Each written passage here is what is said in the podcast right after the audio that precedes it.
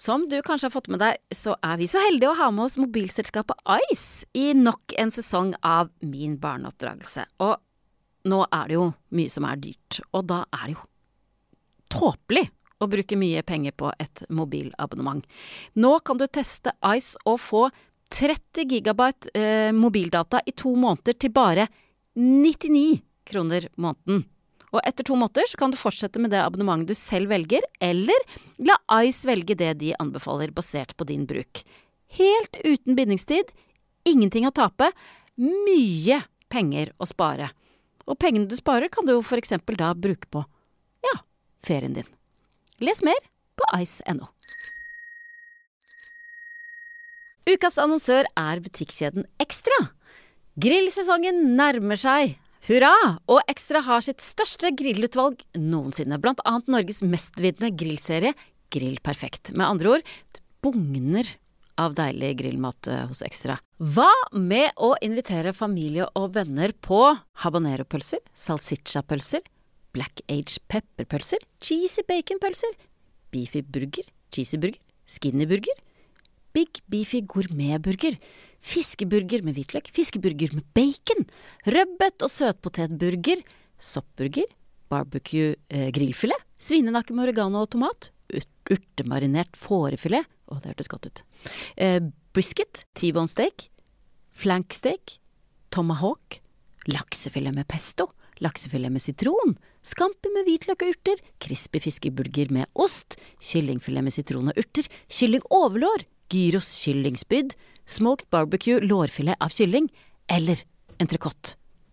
Guri malla, nå kjente jeg at jeg ble sulten, og jeg antar at det samme gjelder for deg. Stikk innom Ekstra og finn din grillfavoritt. Bon appétit! Hei, jeg heter Solveig Kloppen, og hjertelig velkommen til en ny sesong av Min barneoppdragelse. Denne sesongen får jeg besøk av eh, masse helt fabelaktige folk og foreldre, annet Sofie Elise, Henrik Fladseth, Anne Lindmo, Fredrik Skavlan og Sebastian Solberg. Og du får som vanlig én episode i uka, så hver onsdag så er det bare å plugge inn øretelefonene, lene seg tilbake og le, gråte og kanskje bli inspirert. Hun vi skal møte i dag, har hatt en oppvekst ulik de fleste andres oppvekst. Jeg er veldig spent på å høre hva dagens gjest har lært gjennom sin oppvekst, og hvordan det har forma henne som mor.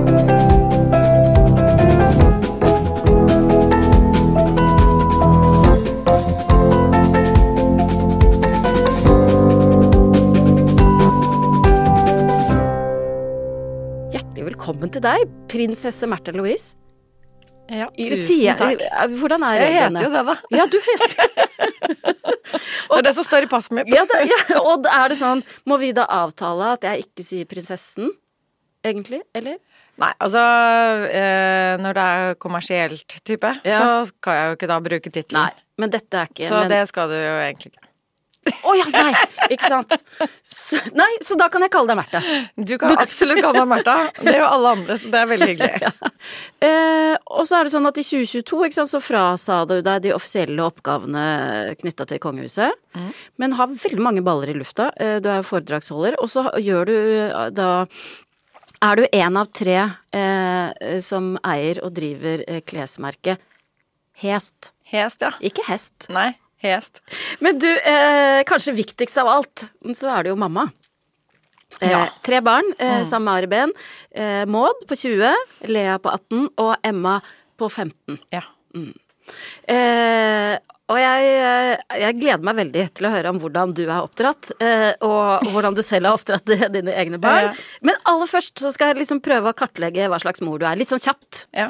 Eh, jeg kommer med noen oppdikta scenarioer fra et liv med barn, og så svarer du hva du ville gjort. Ja. Er du klar? ja. Eller det vet jeg ikke helt. Ok, barnet ditt er 16, det er lørdag kveld, og hen skal tilbringe kvelden hos en venn. Eh, når barnet ditt kommer hjem klokka ett, så merker du at eh, han eller hun er åpenbart ruspåvirka.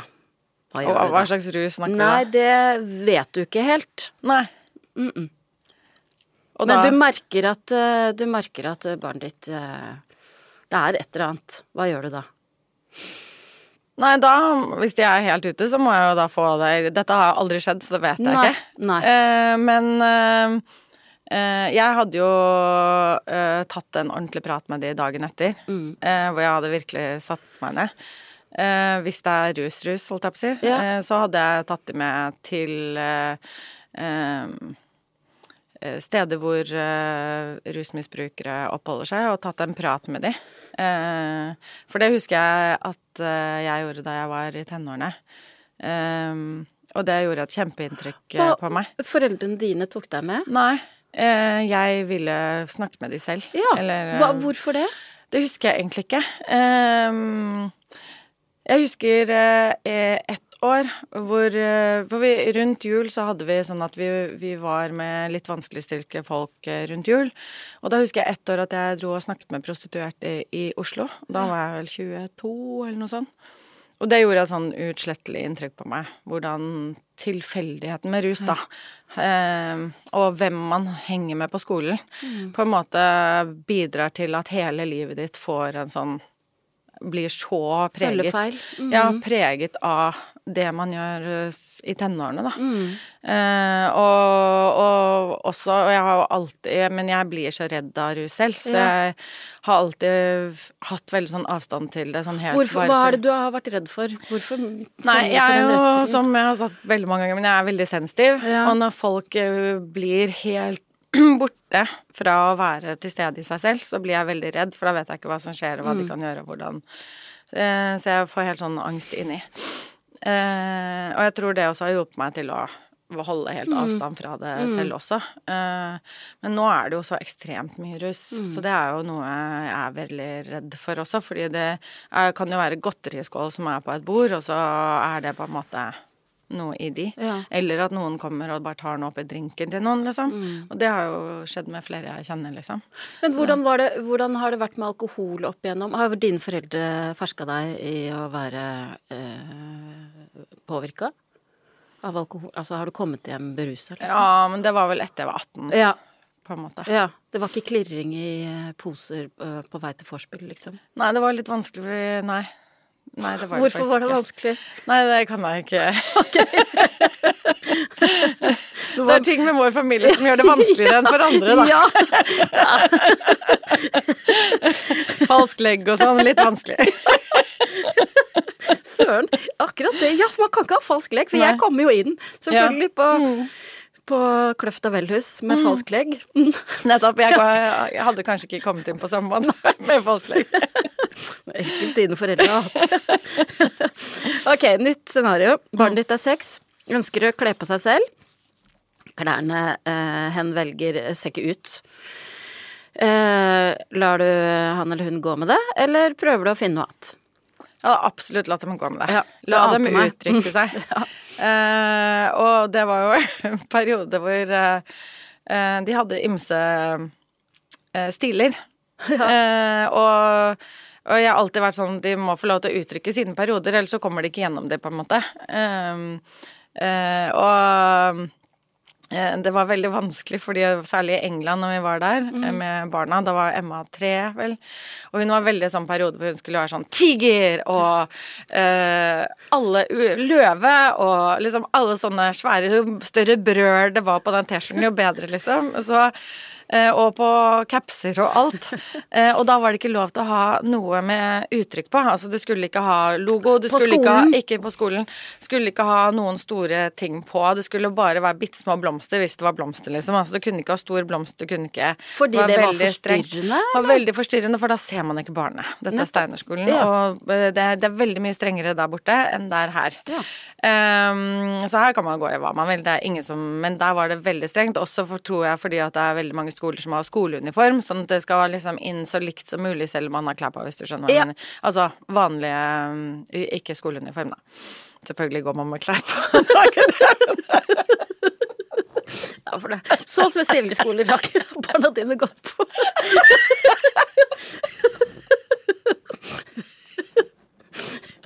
Oh my god. Men la oss slå det fast. Dine barn har gått på skoler hvor man har hatt klær på, ikke sant? Du kan bekrefte det. Jeg kan bekrefte det! Alltid.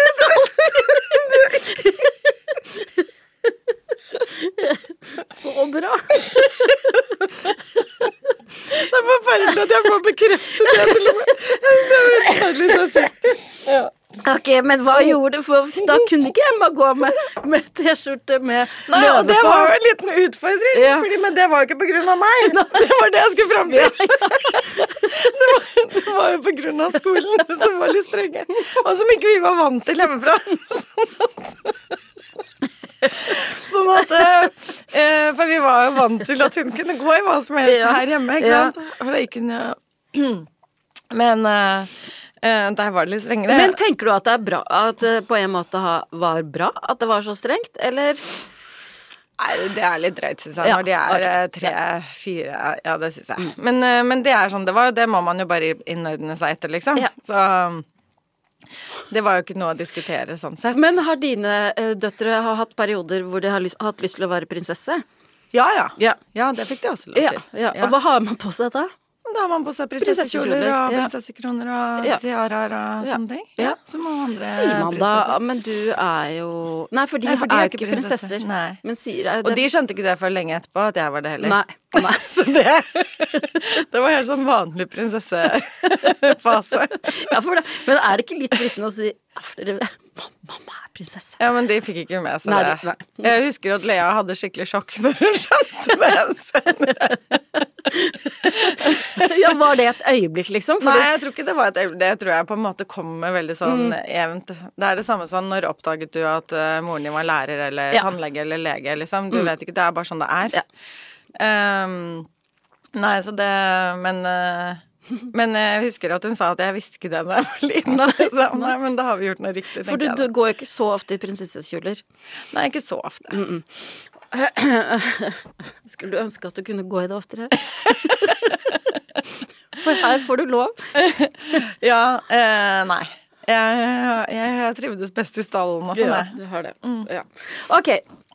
Barnet ditt er 13, og du finner ut at eh, hen kommenterer stygge ting til andre på nettet. Oi. Mm. Hva gjør du da? Ja, da må jeg også ha et alvorsprat. Ja. Ja. For vi må behandle andre fint. Ja. Det, det er kjempeviktig. ja. Og, og Um, jeg tror alle kanskje opp igjennom går gjennom faser hvor noen ganger at de blir slags stygge ting til selv, og sier stygge ting til andre. Det er sånne faser man går igjennom. Ehm, og, og, og på en måte framheve de gangene det har skjedd, hvor du har på en måte fått stygge ting sagt til deg. Og hvordan det får deg til å føle at når du sier stygge ting sånn, så får du andre til å føle deg dårlig. Og vi, det er ikke sånn vi holder på med. Vi skal- må bygge hverandre opp. Det er kjempeviktig. Du har jo levd et liv hvor du har blitt kommentert hele veien, Ja. på godt og vondt. Uh, hva tror du hva, hva har det gjort med deg? Mm, det har i hvert fall gjort meg mer robust enn jeg var. Ja. Uh. ja. mm. Når ble Når Når ble du mer robust? Nei, det var eh, kanskje for ti år siden, eller noe sånt. Eh, 40, rundt 40, noen og 40. Så da har jeg jo holdt på i ja, ja 40, Ja. noen og 40 år, da. Og hva skjedde da? Nei, det er bare at da skjønte jeg at eh, å ja, dette går ikke over, og jeg kan ikke reparere det. Jeg kan ikke liksom rette opp, fordi det kommer bare til å komme mer uansett hvor mye jeg retter opp, og hvor mye jeg viser hvem jeg er. Um, så skjønner folk det gjennom det også, har jeg sett. Ja. Og at ikke pressen er eh, For da jeg var i tenårene, når de skrev negativt på meg, så trodde jeg jo at det var det alle mente om meg. Ja. ja. Um, og da gikk jeg jo helt i kjelleren. Jeg ble jo helt ødelagt. Uh, og også at de begynte å henge ut de jeg var sammen med, om det var venninner eller kjærester eller venner eller hva enn. Eh, det syns jeg var helt forferdelig. At de fikk vondt og ble på en måte skada litt mm. inni seg av at de hang med meg, da. Mm. det syns jeg var kjempe, kjempevondt. Det syns jeg nesten var verre. At de rundt deg ble skadelidende? Ja. Eh, og så var det jo selvfølgelig å, å ta meg selv i nakken og finne ut hvordan er det jeg kan navigere gjennom dette. For dette kommer ikke til å gi seg, dette kommer til å være her. Eh, og så fant jeg sånn noenlunde vei. Det tok jo mange år å navigere og finne ut hvordan er det jeg på en måte ikke skal være et offer i dette her. Hvordan kan jeg på en måte få kraften min tilbake i dette og på en måte stå igjennom det, da. Så det følte jeg klarte å få etter hvert. Uh, og er det nå sånn at du i større grad bare stenger det ute, eller rister du det fortere av deg? Nei, jeg skjønner jo mer taktikken i det, på en måte. Uh, det er jo ofte sånn at uh, negativitet selger, det er likeklikk, det er bare masse clickbait, liksom. Mm. Um, og det er jo det man vil nøre opp under, da. At folk engasjerer seg, og da mest negativt. Fordi det er det som drar i gang ting. Så jeg har jo skjønt at det er, det er jo det det går på, liksom. Uh, og så har jeg også skjønt at jeg er ganske sterk i å stå i det. At det ikke er ikke så mange andre som har stått så lenge i så mye negativitet som jeg har gjort i landet her. Eh, og at de som eh, på en måte burde kunne stå i det, som er ganske kjent eller sånn, og som blir utsatt for samme press som jeg blir, kanskje holder i tre dager eller fem mm. dager, mens jeg har mm. holdt i mange år. Mm. Så jeg skjønner jo at jeg er ganske sterk. Mm. Uh, ja. Så jeg, det er liksom Jeg roa meg i det ja. mye mer, da. For å også ha det bedre mentalt, tenker ja. Eh, ok, men du tar en alvorsprat med barnet ditt hvis du finner ut at han eller hun har eh, skrevet eh, stygge kommentarer på nett. Men hvis, no, i de alvorspratene, har du funnet et godt tidspunkt eller sted for å ta sånne alvorsprater? Um, det er så forskjellig fra barn til barn. Uh, alle mine barn er veldig ulike. Ja. Både i måten å snakke på, hva de har lyst til å snakke om, og hvordan de møtes og sånn. Um, så det kommer helt an på. Det tror jeg man må se veldig an på barnet også. Um, noen er sånn som snakker best i bil. Ja. Noen er sånn som snakker best på sengekanten. Noen er sånn som 'nå må vi snakke sammen'. 'Nå må du komme ja. inn hit, jeg skal snakke med deg'. Um, og så er det noe med måten man snakker på, tror jeg. At ja. man ikke er sånn 'Dette skal du forstå'. Eh, da da blir de Da går de sånn sort, i hvert fall. Altså sånn lockdown. Mm. Um, Istedenfor at man liksom Hør her, nå må vi For jeg skjønner at ikke du skjønner alvoret i dette, så mm. nå må du på en måte forstå alvoret i hvordan dette er, mm. og hva vi skal gjøre med dette. Eh, sånn og sånn. Det tar jo litt tid, eller i hvert fall syns jeg det har tatt litt tid eh, eller, å skjønne at barn er forskjellige. At, og ikke nødvendigvis reagerer som meg heller. Mm. Eh, det syns jeg var litt sånn overraskende oh, ja. ved å få barn. Ja. At uh, jeg tenkte skal du ikke bli lei deg for dette, eller hvorfor blir du lei deg av dette, for det ville ikke jeg ha blitt. Mm. Har du hatt sånne opplevelser? Um, nei, egentlig ikke. Jeg har liksom veldig sett på hvert barn som et individ fra start, at ja, de er helt seg selv. Du er klokere enn meg, rett og slett. Nei! Nei, men det er jo bare forskjellige innfallsvinkler man har som foreldre, da. Ja. Eller ja. Jeg tror kanskje fordi at uh, Nettopp fordi at pressen har vært sånn som har vært, så har jeg begynt å ta tak i på en måte meg selv veldig tidlig i livet også. Så det på en måte har eh, begynt veldig sånn med selvutvikling og ut utdannet meg tidlig til å bli terapeut. Sånn at jeg, og da, i det, da, så møter man jo mange mennesker. Eh, så man ser mange forskjellige innfallsvinkler til ting, og hvordan folk kan reagere, og hva som er rart for meg, og hvorfor er det rart for meg. Ja. Eh, og jobbe gjennom det, ja. ikke sant. Altså, ja. Eh, sånn at jeg møter nok mennesker sånn på generelt grunnlag veldig sånn åpent, uten at jeg dømmer de eller tenker at de må være sånn eller slik, eller gå innenfor en eller annen ramme eller noe sånt. Jeg tror det er litt sånn jeg har møtt barna mine også. Mm. Nytt uh, scenario. Barnet ditt er 19, forteller åpent og detaljert om sitt eget sexliv i sosiale medier.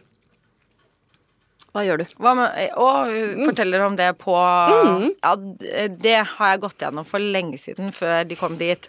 At vi skal ikke snakke om noe privat på sosiale medier, for mm. vi er i en spesiell familie. Mm. Og det, det overholder de veldig lenge før det. Så det hadde ikke skjedd. og lenge før, er det, er det fra Altså, nå, hva er lenge før? Nei, fra de var bitte små. Ja. Men, eh, men, hvis det hadde skjedd, så igjen, da, så hadde jeg tatt en alvorsprat med dem. Ja. Fordi at det, eh, er veldig Det er jo ikke bra for dem selv. Er det mange alvorsprater hos dere?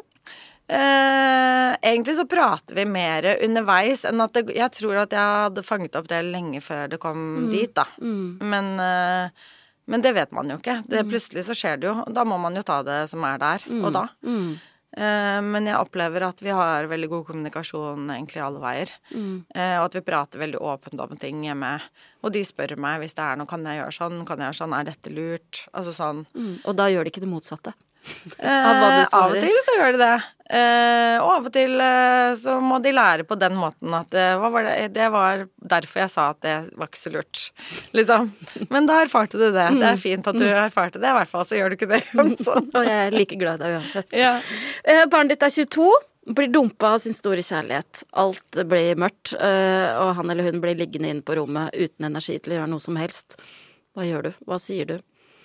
Eh, Da er jeg der for dem, eh, eller den personen, og eh, støtter dem, hjelper dem gjennom det. Ja, hvordan gjør man det på best mulig måte som forelder? Det er jo forskjellig igjen, da, fra Ja. barn til barn. Så det er veldig vanskelig å si bare én måte å gjøre det på, Mm. syns jeg.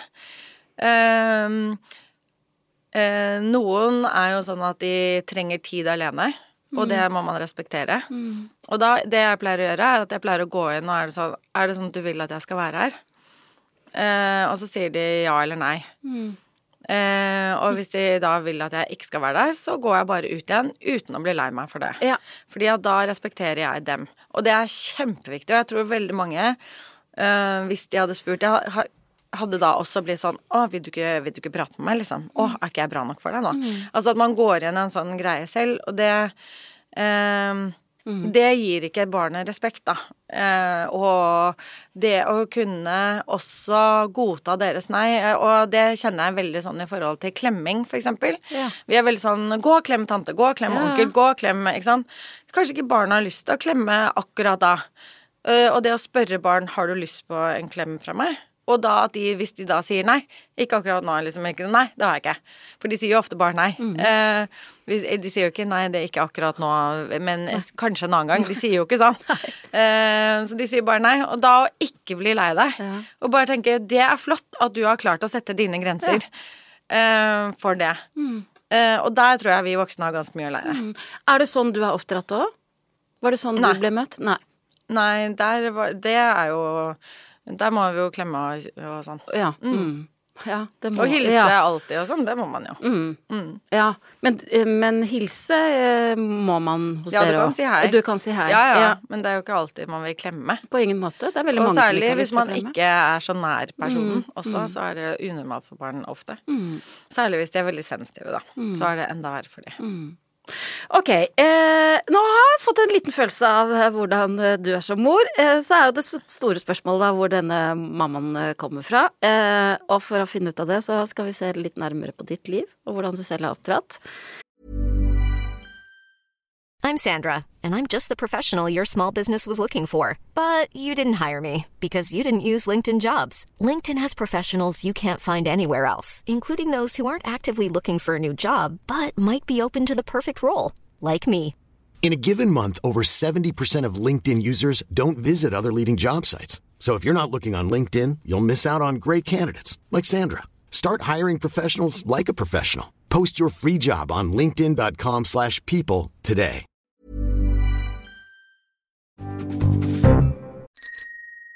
Min barneoppdragelse lages i samarbeid med mobilselskapet Ice. Og Ice igjen, de samarbeider med Barnevakten, en ideell stiftelse som formidler fakta og råd om barn og unges medievaner. Og som Ice-kunde så får du gratis tilgang til mange av Barnevaktens webinarer som tar for seg temaer som barnas favorittapper, nettmobbing, eh, sikker bruk av nett og medier, skjermtid og mye, mye mer som vi foreldre er opptatt av.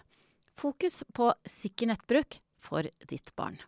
Les mer på ice.no slash barnevakten. Du er da det første barnet til Hans Majestet eh, Kong Harald og Hennes Majestet Dronning Sonja. Eh, vokste opp eh, på Skaugum i Asker. Hva husker du best eh, fra de første årene dine? Fra de første årene mine så er det jo mest å leke med Håkon. Som er to år yngre enn deg. Ja, han er to år yngre enn meg. Eh, så vi var veldig mye sammen da vi var små. Vi vokste opp på gård og var sammen med de andre barna som bodde rundt omkring på gården, liksom. Ja. Eh, så det var egentlig veldig sånn eh, mye ute. Eh, masse ute, klatret i trær og var veldig sånn aktive barn. Gikk Løp ikke i barnehage? Jo, jo, jeg gikk i barnehage. Jeg rømte fra barnehagen da jeg var tre. Eller fem, eller hvor gammel jeg var. hvorfor? Nei, da hadde jeg en bestevenninne som het Immersen, og jeg og Immersen skulle se på kuene på Skaugum. Ja. For hun hadde ikke sett en ku. Nei, Og vi den... hadde jo mange kuer.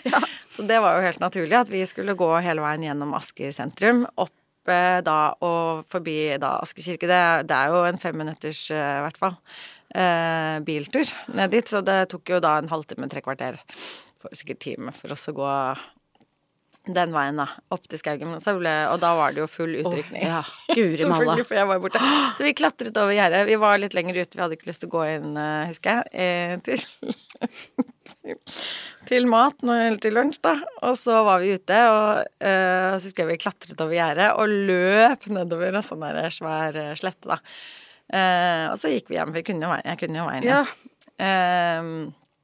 Så gikk vi der, og så ble vi oppdaget da av eh, en av sjåførene våre som het Bjørn. Ok, bra. Ja. Ja. Da lå vi nedi grøfta og tittet over kanten.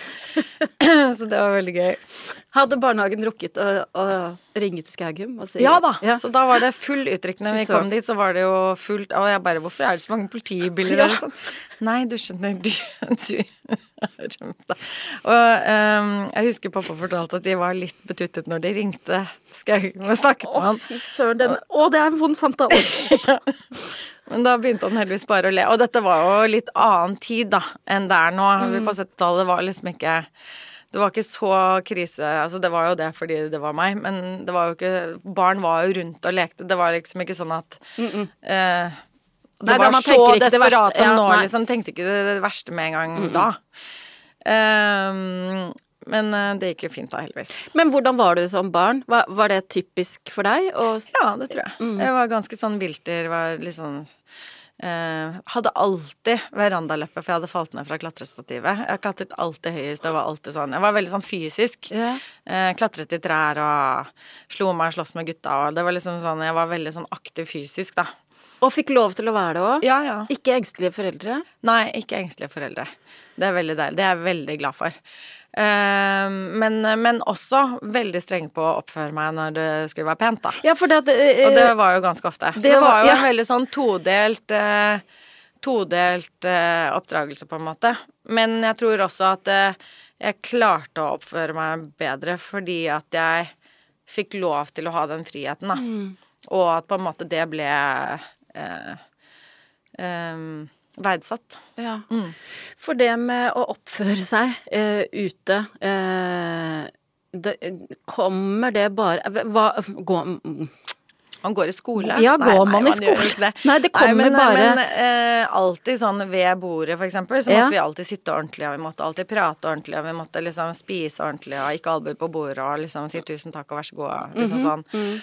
Ehm, og det var jo neiing, og det var Ikke sant. Så det var jo på en måte Og selv om ikke jeg har oppdratt barna mine like strengt som jeg ble oppdratt med det, eh, så hører jeg jo fra andre foreldre Gud, så veloppdragne Og jeg bare Hæ, mine barn veloppdragne? Nei, absolutt ikke, liksom. Jeg syns jo ikke det selv. Og de er jo ikke på en måte sånn som vi måtte være, så ordentlige, da. Eh, men de er veldig sånn på å si tusen takk og vær så god og liksom sånn Altså sånn eh, høflige, da. Ja. Eh, vær så snill og sånn. Mm. Eh, fra de var små. Som kanskje ligger mer i ben, i beinmargen vår da, enn hos andre. Jeg vet ikke. Og hvordan reagerer du når du har besøk av andre barn som ikke har det så i blodet? Nei, det har jeg aldri tenkt på. Nei. Nei, jeg er ikke noe dømmende som sagt Nei, person. nei, Det er ikke noe sånn eh, Å, sa du ikke 'vær så snill'? Da får du ikke Da får du ikke Da får du ikke brødskiva jeg har foran fiskepinne. deg. Nei, da får du ikke fiskepinnen. Men hva var det vanskeligste der? Altså sånn det For det å oppf oppføre seg som to-treåring, det er jo ikke så lett. Nei, men det var jo ingen som forventet at du Nei. Altså, da var det jo litt friere enn når du var sånn seks-syv, da. Ja, men det er ikke så lett da heller. Nei, det var ikke det. Eh, og det er jo ganger hvor eh, jeg ikke har klart å oppføre meg også. Var Når da? Nei, for eksempel, vi hadde mm, eh, dronning, eh, dronning Elisabeth av England var jo på statsbesøk i Norge, og da var det da at hun også kom til Skaugen, da. Og da var det broren min og jeg, og så alle fetterne og kusinene våre. Mhm. Ehm, og vi sto på rad og rekke og booket og neit og sånn eh, til henne, da, selvfølgelig. Men så gikk alle de voksne inn til å spise. Jeg husker ikke om det var middag eller lunsj, men i hvert fall de gikk inn for å spise. Og dette var da Hun hadde en sånn stor, fin, hvit eh, pelskåpe. Sånn ordentlig fin, sånn svær med pelshatt og sånn. Og dette fant da vi ut at dette var veldig gøy å prøve, for den var jo så fin. Herregud, det var den fineste vi hadde sett, så den syns vi absolutt at vi burde prøve. Så vi drev jo og prøvde dette her og gikk rundt med det og hadde den mannekengoppvisningen med hennes da. Og da kom jo de selvfølgelig ut fra denne middagen eller lunsjen. Det var ikke så populært. Så hun det? ja. Ja, hva sa hun da? Eh, eh, nei, det husker jeg ikke. Men eh, det var ikke så populært blant mine foreldre, i hvert fall. husker jeg. Hva sa de? Eh, nei, de sa at det, det går ikke an. Nei. Men de syntes det var litt gøy? Ja, de syntes det var litt gøy. Har de sagt det i ettertid. Men jeg visste ikke det da. Men en helt vanlig dag hos dere, eller eksisterte det helt vanlige dager eh, hos eh, i, i, de, i din familie? Eh, altså vanlige dager eh, Ja, det gjorde det jo. Eh, men eh, min mor og far var mye ute og reiste. Eh, så vi hadde jo mye daddar. Dere hadde Berit? Berit. Vi hadde mange forskjellige. Ja. Eh, Men Berit var jo hun som var lengst og mest der. Vi hadde mange fantastiske som tok seg av oss, altså. Eh, og Berit var jo mm, den som på en måte var Hva skal jeg si klippen i livet mitt, eller Ja. Ja. Fortell om Berit. Eh, Berit er en eh, tø, sånn veldig varm dame. Jeg blir veldig rørt. Ja, jeg jeg ser det. Som eh, Et øyeblikk. Nå fikk jeg lyst til å gi deg en klem, men da skal jeg- skal jeg spørre om du har lyst på en klem. Å nei, det har jeg ikke, for da klarer jeg ikke å prate mer. uh, nei ehm,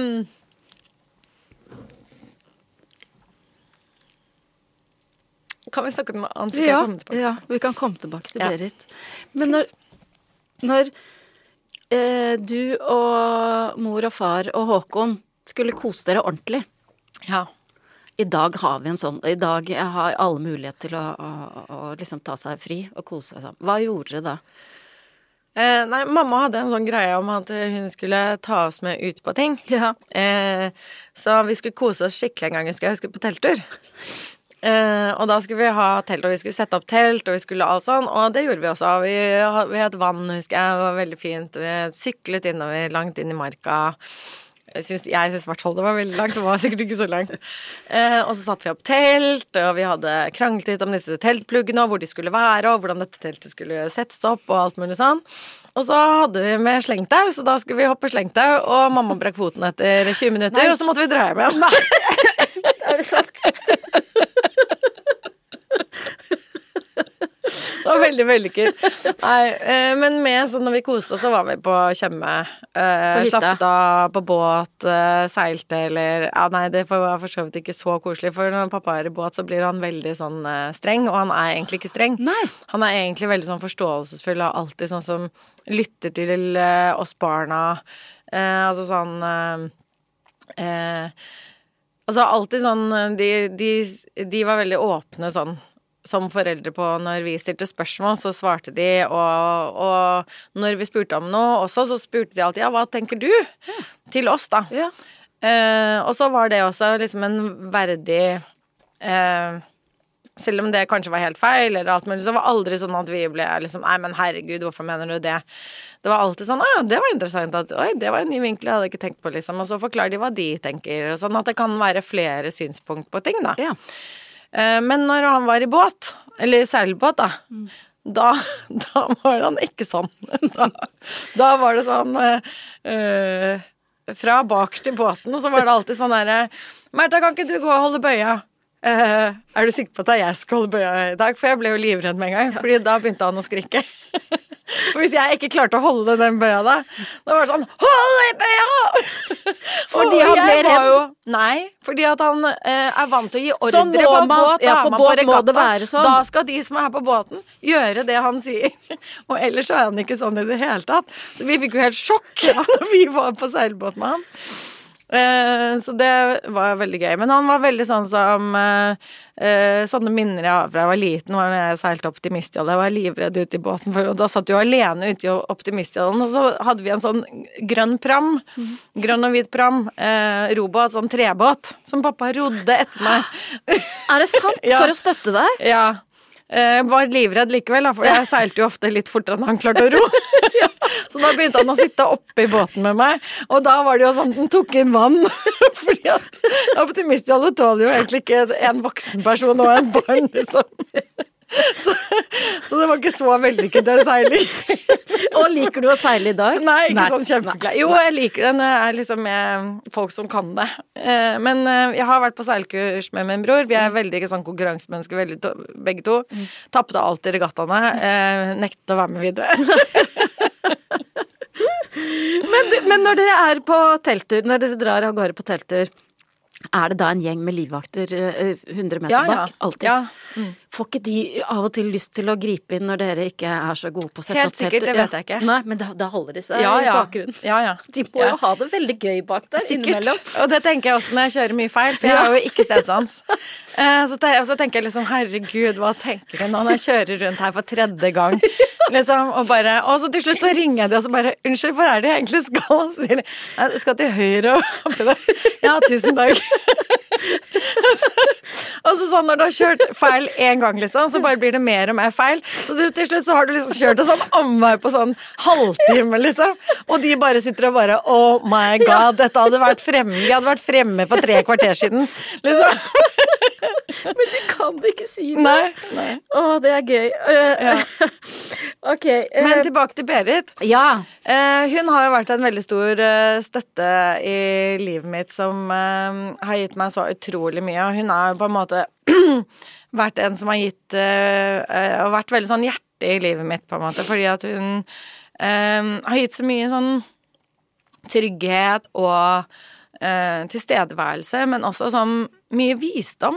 ja. Um, så hun har jo lest så mye litteratur uh, for oss, fordi hun kommer jo fra en suttung-bakgrunn Ja. som handler om det å ikke sant, lære utenat, lære de store verkene. Kan du fortsatt Per Gynt? Jeg kan i hvert fall starten. Ja. Ja. Få høre. Eh, per Oliver, nei, jeg gjør ei. Og så bann på det er sant. Hvorfor banne, tvi du tør ei. Alt i hop er tøv og tant. Det er sant hvert ende ord, og du skjem seg for din mor. Først så renner du til fjells månedsvis i travle ånda for å veie ren på fonna. Kommer hjem med reven pels, uten børste, uten vilt, videre. Oi, ja. Og dette er Berit og Suttung-bevegelsen som vi kan takke for at du kan hele starten på Birgit. Ja, vi hadde jo da hver eh, bursdag til foreldrene mine og jul og til besteforeldrene våre, eh, så hadde vi jo da sånn opplesning eh, utenat. Eh, og da gjorde vi sånne enkle ting som første akt av Per Gynt og siste akt av Per Gynt, for eksempel. Ja, men du, for hva er filosofien bak Hvorfor skal man Filosofien er at du skal eie verkene inni deg. At de skal leve med deg. At du har den visdommen som på en måte kommer med disse store verkene Um, i deg. Um, og det er jo så mye som ligger mellom linjene her, ikke sant. Og som eventyr, for eksempel, ikke sant. Som forteller om så mye mer enn bare akkurat prinsen og Askeladden, eller prinsessen og Askeladden. Mm. Um, som Ja, som handler om så mye mer om oss, da. Eh, som mennesker.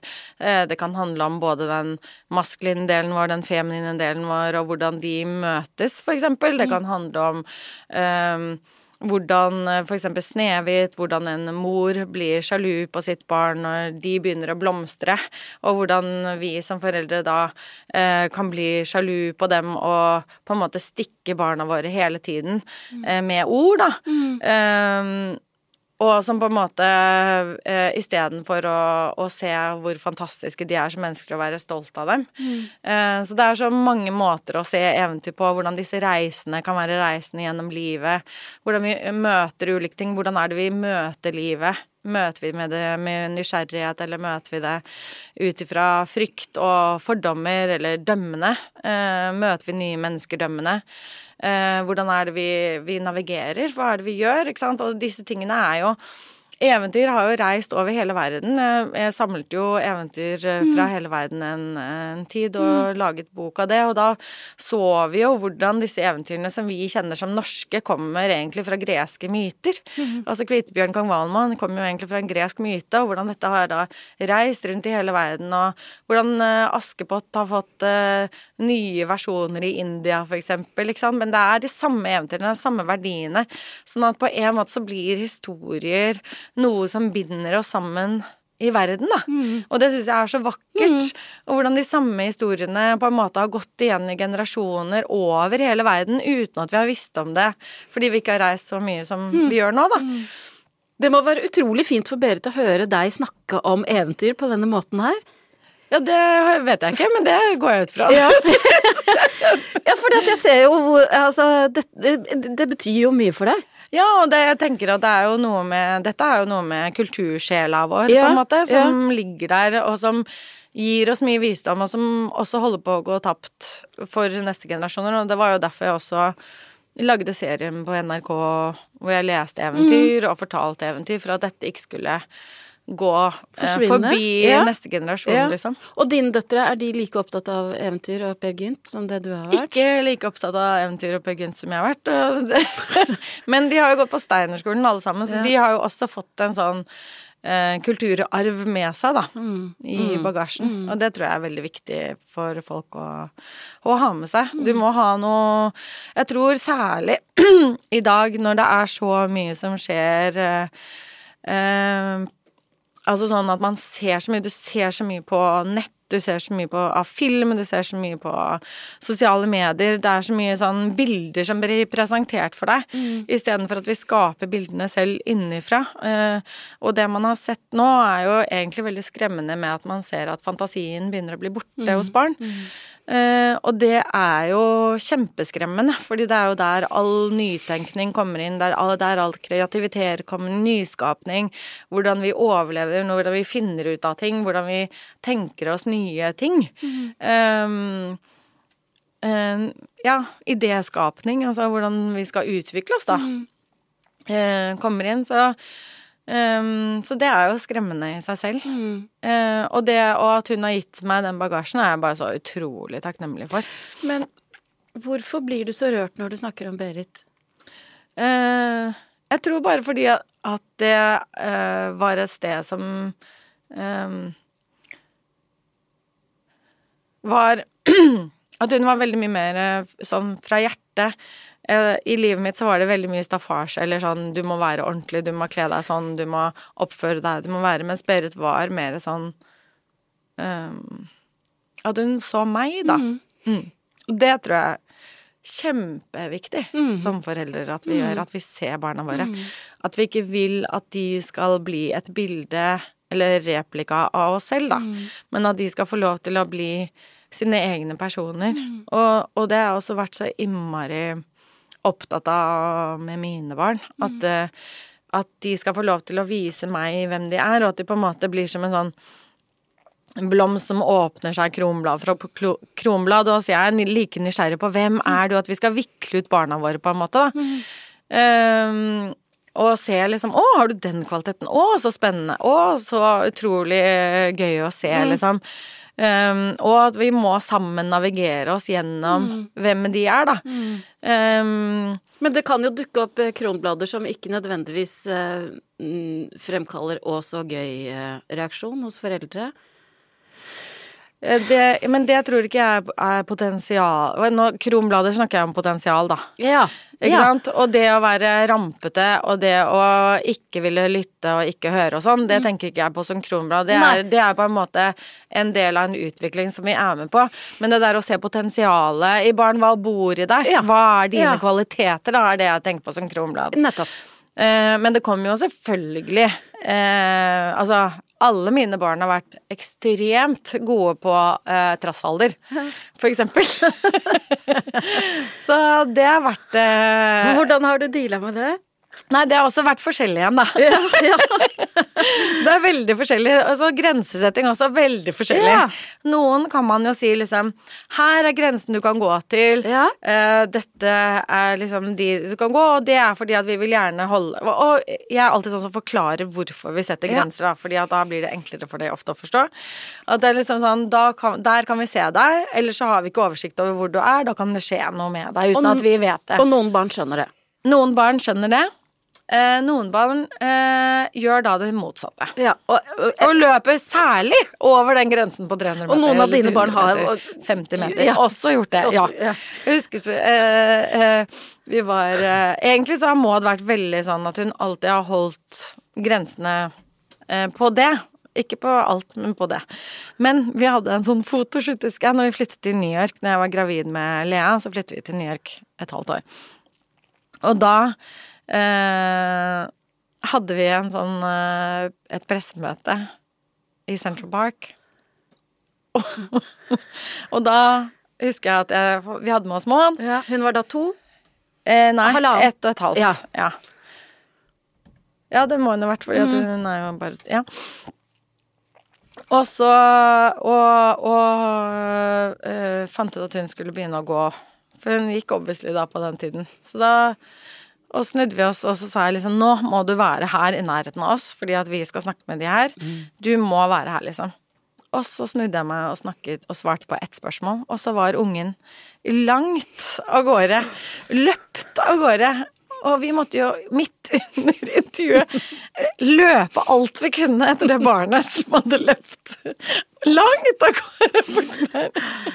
Får du panikk da, eller tenker du Ja, bare det er noen ganger jeg har fått skikkelig panikk eh, når de har blitt uh, borte. Det var for eksempel en gang vi var, uh, var i Frankrike. På en sånn plass og spiste lunsj. Og da fant barna ut at de skulle leke gjemsel. Sånn, og da sa jeg nå er dere her. Det er ikke lov å gå langt her. Da, ser dere alle disse menneskene her? Jeg vil ikke at dere blir borte. Da kommer dere til å miste oss. Det vil dere ikke. Vi vil ikke det. Dere vil ikke det. Ferdig, liksom. Nei, nei, ja, ja, helt greit. Selvfølgelig, når alle hadde funnet alle, så var det jo ett barn som var borte. Eh, og da var jeg så Hvilket av barna? Det var Emma. Og jeg var så redd. Og jeg løp, husker jeg, i alle Og det er jo så forferdelig, Fordi da er du på et, et torg, ikke sant, eller en sånn plass. Eh, og der er det jo veier, to veier ut i hvert hjørne. Det er åtte veier å gå ut. Eh, og det var sånn mylder av eh, butikker og mennesker i alle retninger, ikke sant. Og jeg, jeg husker jeg løp og skrek 'Har du sett en unge?' Har Hvor gammel var hun da? Da var hun vel tre. Mm. Eh, og så Og de ti minuttene der, det var lenge, altså. Det varte Det føltes ut som to år. Um, og, eh, og løpe rundt der. Vet du hva, det var så grusomt. Og hvor fant dere henne? Nei, hun hadde jo da gjemt seg bak en sånn Ja, krukke som sto Det var jo ikke så langt unna, men det var jo utenfor der vi hadde sagt. Og vi visste jo ikke hvilken retning det utenfor hadde vært. Men det var en sånn stor krukke. Så det var utenfor Godt gjemt, da. Ja. Mm. Så, så Men Og hun hørte jo at vi ropte, men hun Ja, kom jo ikke frem. Ja, det var gjemsel. Hun gjemte seg, og hun vant jo. Det var kjempebra. Men du, dumt spørsmål kanskje da, men hvorfor er det ikke noen livvakter som har, liksom har et øye med Emma da? Ja, det kan jeg ikke gå inn på. Nei, ikke Nei. sant? Nei. Nei. Nettopp. Det er det, sånne ting du ikke kan gå Nei, inn på. det kan jeg ikke gå inn på. Eh, eh, før vi forlater eh, Berit, er det sånn at du tenker på henne som en slags tredje forelder? Ja, absolutt. Ja. En ekstra mamma. Mm. Og Berit Og hun- lever i dag? Ja, hun lever i beste velgående, vi har god kontakt Ja. fremdeles, og det er veldig koselig. Ja. Mm. Når kom hun inn i livet ditt? Da jeg var seks. Ja. Mm. Mm. Hvor finner man en Berit da? Når man trenger en Berit? Ja, det er et godt spørsmål. Alle burde ha en Berit i livet. Um, nei, det er flaks. Ja. Å, oh, fint. Mm. Ok. em, ja, ikke sant. Du er jo da vokst opp som medlem av det norske kongehus Ja. og i en kongefamilie. Ja. Eh, og eh, dette spørsmålet får du jo mange ganger. Men ikke sant, når skjønner man at man er en del av en spesiell familie? At foreldrene dine ikke er helt vanlige? Eh, jeg tror at det er som man ikke skjønner. Det er bare en sånn del av livet. Eh, akkurat som moren din er lærer, eller faren din er lege, eller eh, rørlegger, eller hva enn. Du, det er en del av din oppvekst. Eh, og det var del av min oppvekst. Jeg tenkte ikke noe sånn veldig over det da jeg vokste opp, egentlig. Men øh, født i 1971, og da, ikke sant, da var det jo sånn at øh, da måtte det en gutt til som kunne overta tronen. Hvor- hvordan har det vært å øh, vokse opp som det ikke foretrukne barn? Og da tenker jeg ikke på som i familien din, men sånn i landet, på en måte. Altså det var liksom Det er Håkon man skuet, har skua til, liksom. Det er han som har vært viktig. Det er han som Jeg tror aldri jeg tenkte på det sånn som du beskriver det nå, Nei. på en måte. Eh, nettopp fordi, som også du sa, at uh, det ikke var sånn i familien. At uh, uh, mamma og pappa var veldig flinke, og, og, og på en måte Jeg har aldri følt meg mindre elsket enn Håkon eller sånn. Og så var det på en måte og, og alltid for meg så har det vært på en måte to forskjellige ting. Det vi er i familien, og det vi er offisielt, på en måte. Og offisielt da er det jo sånn at da er jeg nummer fire i familien, ikke sant. Da Ja. går pappa først, og så er det mamma, og så Håkon, og så meg, ikke sant. Eller når vi vokste opp da, så var det bestefar i tillegg før der. Um, eh, Og fortsatt er det jo nummer fire i arverekka. eh, Nei. Er du ikke? Nei. Er du ikke? Eh, hvordan blir det nå? Jo, jo, det er vel Jo, det er Jo, sorry. Alt jeg må lære deg. Nei. Jo, i arverekkefølgen, men ikke Ja. sånn gjennom døren. Men det handler ikke om arverekkefølgen å gjøre. Sant? Fordi da går jeg jo lenger bak. Ja, gjennom da- døren. Ja, nå snakket jeg om gjennom døren. Ja, når man Når, går inn Bare uansett når vi går. Så, så må, da var det jo bestefar først, og så var det pappa, og så var det mamma, og så Håkon, og så meg. Ikke sant? Dette har jeg ikke tenkt på. Nei. Gjennom døren, det, da snakker vi på Slottet for Eller Ja, uansett hvor ja, man er. Skulle, ja, det er uansett hvor man Ja. er, egentlig. Om vi skal inn til middag eller sånn, så er det de som skal gå først, og så skal jeg gå etter. Altså, det er bare sånn der høflighetsting som Det er bare den rangen som er i familien. Nå stiller vi opp på den vanlige rekka. og ja, vanlige rangen. Man er i familien. Ja. Ja. Eh, så mm, så det er eh, Ja, så det var liksom helt naturlig. Ja. Og, og jeg har jo ikke tenkt over det før at jeg har skjønt at det er jo veldig rart, egentlig. at det ikke er så mange andre familier som har sånn rekkefølge. så, så det er sånne ting som det går, går jo inn Ja. du er så liten, Ja, ikke sant? At det liksom bare blir en sånn naturlig del av livet ditt, da. Ja. Å ja, hvilken rekkefølge vi skal gå inn her nå? Hvem er det som skal, ikke sant? Hvem skal gå inn med hvem? Ja, men jeg kan ikke gå inn før deg. Nei, nei, men det vet jeg. For hvordan, inn, inn døra nå, hvordan er rekkefølgen nå, da? Nei, nå er det jo Nå er det jo min far, Mm. mor, eh, Håkon, Mette, eh, Ingrid, Magnus, Marius eh, og så meg. Og så- eh, ja, ja, og barna og så- ja, etter ja, i sted. nettopp. Det Morsomt. Ja. Eh, Ikke tenkt på. Ok, men, men øh, Jo, ja, ikke sant. Eh, det har vært så naturlig for deg. Men jeg har lest et intervju hvor du sa at du, du følte Du følte at du var feil. Eh, ja, men det gikk jo mer på eh, at eh, At det må jo være noe galt med meg siden de ikke valgte meg, på en måte. Eh, og da tok jeg det på meg. Eh, Men det var jo ikke Ja, det er jo, det er jo at jeg eh, Hvis jeg hadde vært gutt, da, så hadde det vært så mye enklere for alle. Det er jo det jeg har tenkt på en del i oppveksten. Eh, Ja, at det for at hadde- det ble problematisk, ikke sant. Ja. Hvordan er det vi skal løse dette?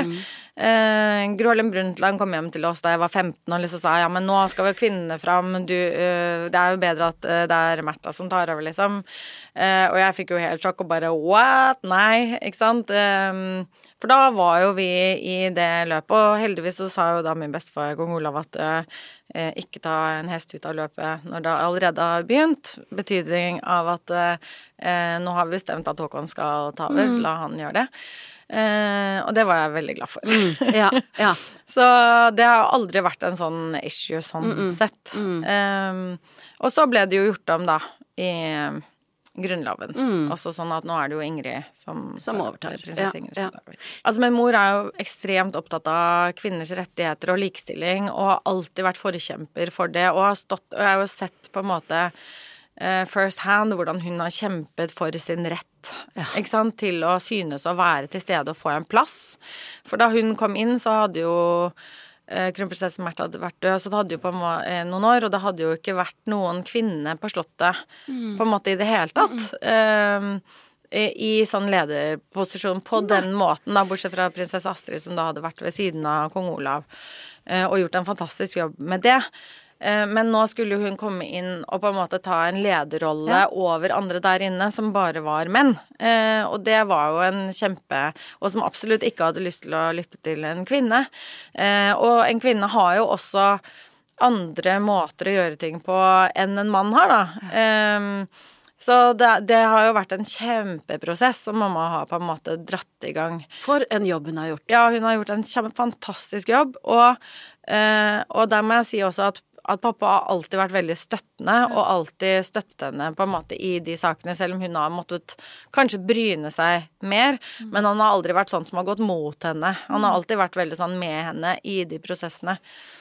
Eh, Så det, det trenger man også. Jeg tenker at eh, vi, vi trenger begge deler. Vi trenger kvinner, og vi trenger kvinnekraft, og vi trenger at vi synes og at vi får lov til å si hva vi mener, og at vi får plass. Men vi trenger også menn som eh, legger til rette og støtter at det skjer. Eh, og vice versa, at vi også støtter de hva de tenker og føler og er. Og vi trenger begge deler. Eh, og det tror jeg er innmari viktig i alt vi gjør. At vi på en måte ikke bare blir kvinner, eller bare blir menn, og går i samme fella som mennene har gjort før. At det, liksom, vi skal ha gutteklubben-greie, og vi skal være her, og det skal bare være oss, og det er bare vi som gjelder, og at vi kvinner ikke må gå i samme fella på det, da. Men jeg tror at vi trenger den At vi trenger både menn og kvinner, men jeg tror at vi trenger lyttende menn og lyttende kvinner som lytter til hverandre, og som ser ulike ting og kan verdsette at vi har ulikt ståsted, for jeg tror vi kvinner ser um, andre ting enn menn gjør, og menn ser andre ting enn kvinner gjør.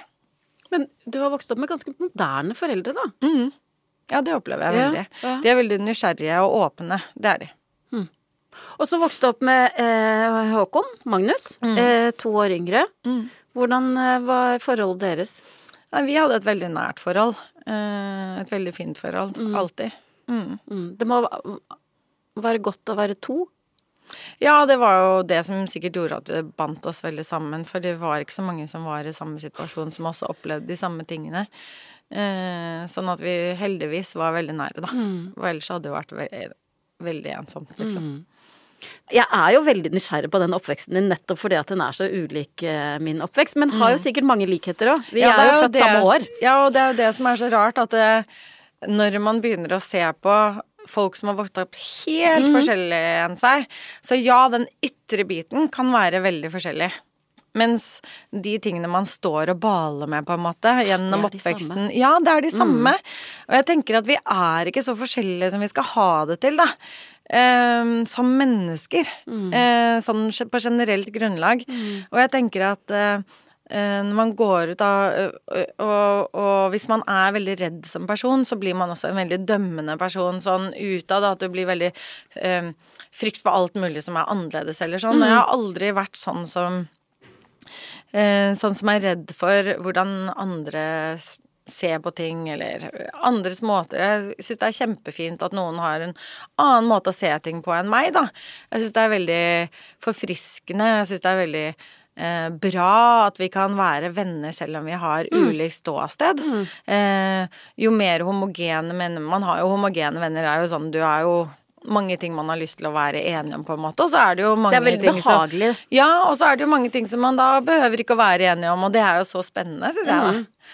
Men kommer det også da av at du har hatt eh, veldig åpne foreldre? Jeg tror at det kommer også av at jeg har møtt veldig mange forskjellige mennesker opp igjennom Ja. oppveksten. Du har blitt eksponert for jeg har blitt eh, eksponert for ekstremt mange forskjellige kulturer, Ja. mennesker, måten å, måter å være på, måter å oppføre seg på.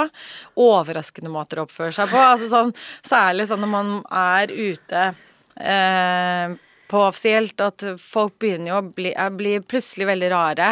Eh, blir veldig nervøse for å treffe deg, og du må liksom Men jeg er ikke noe farlig, liksom. Altså sånn. Eh, og så prøve å roe ned de menneskene. Mm. Hvordan så- gjør du det? Nei, det er bare å prate med de, Ja. så pleier det å gå ganske Ja. bra. ja. Fort. øh, Og jeg tenker kanskje at øh, Ja, det å prate helt vanlig, altså, det er liksom Det går helt fint. Jeg biter ikke, pleier jeg å si. Bare av og til. Men du, eh, tilbake til Skaugum og oppveksten. Hva slags regler eh, husker du best?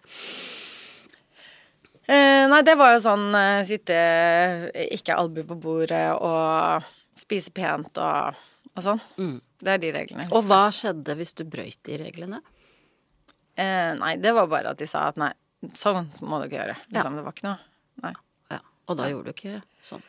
Eh, nei, ikke foran de.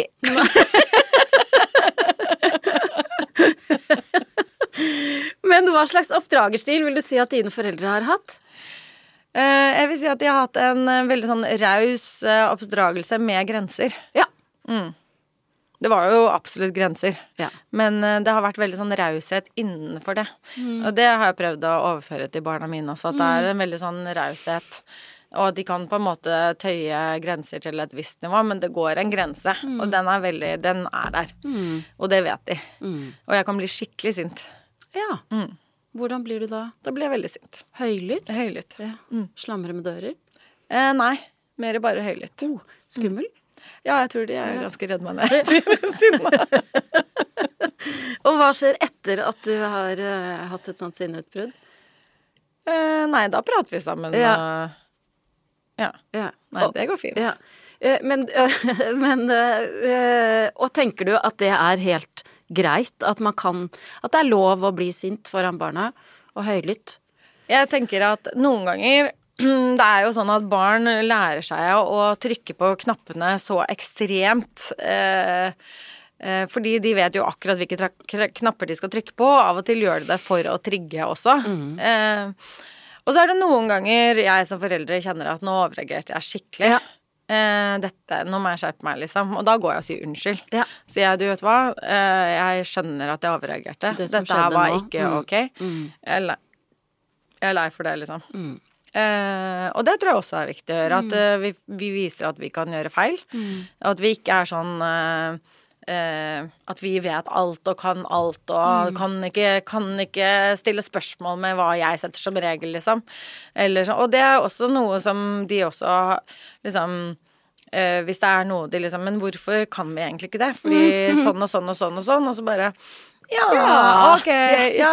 Og, så, og jeg tenker også sånn at eh, barna er jo veldig læremestere for oss. Eh, for de viser oss så mye av de tingene som trigger oss, de tingene som gjør oss lei seg. Altså sånn Jeg husker når jeg fikk eh, Maud også, så hele Altså, og med hvert barn, egentlig, så går vi jo gjennom alle de traumene vi har som små, selv. Fordi når vi ser det skje med våre barn, så kommer jo alt det opp i oss. Og da må vi huske å ta tak i det selv. Ja. Og ikke på en måte eh, bare være, At det overfører det til barna. Eh, men at vi på en måte tar tak i de til Å ja, men det er jo fordi at jeg hadde det sånn da jeg var liten. Det er ikke hvilke- nødvendigvis at det er sånn for mitt barn. Selv om jeg opplever det sånn. For eksempel hvis det er noen som dytter dem i barnehagen. da. Altså whatever. Det kan være hva som helst. Jeg vet ikke hva det kan, være, Men det kan være noen som på en måte dytter dem med jevne mellomrom i barnehagen, da. Eh, og som for eksempel jeg opplevde da jeg gikk i barnehagen. Ikke at jeg nødvendigvis gjorde det. Jeg var kanskje mest den som dyttet selv. Men Så det er Men- andre, andre voksne, andre barn som andre, må jobbe med dette. Nei, men så for, for eksempel, og så får jeg et sånn «Åh, Stakkar, hun Ja. må føle dette. Fordi jeg følte det da jeg gikk i barnehagen. Ikke sant? Eh, og da Det er den fella jeg har gått i mange ganger. Ja, og da må man ta tak i den følelsen i seg selv først. Så bare hvorfor føler jeg dette her? Og det er fordi det, det, da, og så jobbe ut den biten der. Ja. Men eh, hvis barna dine har lyst til å få deg sint, hvilke knapper er det de skal trykke på da? Er det du, når er det du fyrer deg opp? Uh, nå må jeg tenke. Men det er litt sånn når de uh, bevisst uh, går over en grense som jeg har sagt, uh, for eksempel eh, eh, Bare sånn helt enkelt, da. Ikke mobiltelefon når vi spiser middag. Eh, Da skal vi prate sammen, vi skal ha fellesskap, vi skal være der. Og hvis da de under bordet sitter sånn, og jeg sier det fem ganger, da, og de skal legge den vekk, da til slutt så er det sånn Hei, nå legger du bort den, og da går jeg og tar telefonen og legger den bort, liksom. Ja, jeg kjenner meg igjen. Ja. Ja. Vi hadde en sånn situasjon i går. Helt tåpelig. Vi sitter og spiser middag, og da handler det ikke om mobiltelefon, men at vi har et stearin, en kubbel, et kubbelys på stående på bordet. Og Albert, 17, sitter alltid og flik, fikler med det kubbelyset. Ja. Og så sier jeg, kan du, kan du la være? Og så, og så vet han, han vet akkurat at nå, Ja. nå fyrer mamma seg opp. Ja. Kjempegøy. Og så begynner han å dra av det som er liksom til overs, helt Mm. på kanten øverst. Og så, se, altså, eh, og så putter han det stearinet oppi Ja. lyset, og da vet Ikke sant, nå er kubbelyset ødelagt. Altså, jeg blir så rasende. Og, så, her, og etterpå så er det sånn Guri malla, det er da ikke noe å klikke for. Men, men nettopp det, at han vet så godt, han pusher meg han, Det her går sånn Det er små skritt hele tiden, liksom. Ja. Idiotisk. Men er det det at du føler at han ikke respekterer dine grenser? Er det det Ja, men- du reagerer på, eller hva er det du reagerer på i det? eh, jeg reagerer på Jeg tror det er en, en, en miks av at jeg, jeg blir ikke så veldig Jeg blir jo ikke krenka av det, på en måte. Det er ikke sånn Jo, men ett sted? Ja, ett sted, ja, ja, Ja. antagelig gjør jeg det. Og så eh, Er det fordi at han ikke respekterer det du sier, da? Eller hva er det han ja, blir krenket ja, ja. For det handler jo egentlig ikke om det lyset. Nei, det handler ikke om det lyset. Nei. Men eh, ja, det er kanskje det. At jeg kjenner sånn nå, Ja. Respekterer at jeg Jeg vil ikke at du skal jeg vil, jeg vil ikke at du skal gjøre det. Ikke gjør det. Og da kan jeg fortelle deg at vi satt ofte på barnebord da jeg vokste opp. Mm. Og da var jeg den som drev sånn hele tiden. Så jeg, og det er en sånn satisfying følelse. Ja, jeg vet! Men lyset blir ødelagt. Og kubbelys er kjempedyrt. Ja. Det dro jeg også fra. Det Det, det koster kommer 50 59,90 Ni- 59,90. kroner ja, på Kiwi. Ja, nettopp. Ja. Så det Ikke gjør det. Ikke ødelegg. Men hvem irettesatte deg? På barnebordet var det Det eh, ble vi da. Når de ja, først okay. så det. Ja. Når de først oppdaget det. Ja, men Men det var først etterpå. Ok, men Märtha. Eh, eh, vi Du må si 'dette var så interessant'. Jo, for det er det det er. Eh, det er veldig gøy og interessant å snakke med deg, eh, så jeg har ikke lyst til at eh, samtalen skal ende her. Nei. Men kan vi si kan, du, kan vi ta en del to av dette Altså, selvfølgelig. Ja. Det er jo bare Ja, hyggelig. da sier jeg liksom takk for nå, Ja. og velkommen tilbake. Tusen takk. Gleder meg til neste gang. Ja, òg. Hør resten av praten med prinsesse Märtha Louise allerede i neste episode. Trykk følg der du hører denne podkasten, så får du beskjed med en gang når det skjer. Og hvis du liker det du hører, del gjerne denne episoden med folk du er glad i. Min barneoppdragelse er laget av Lyder Produksjoner.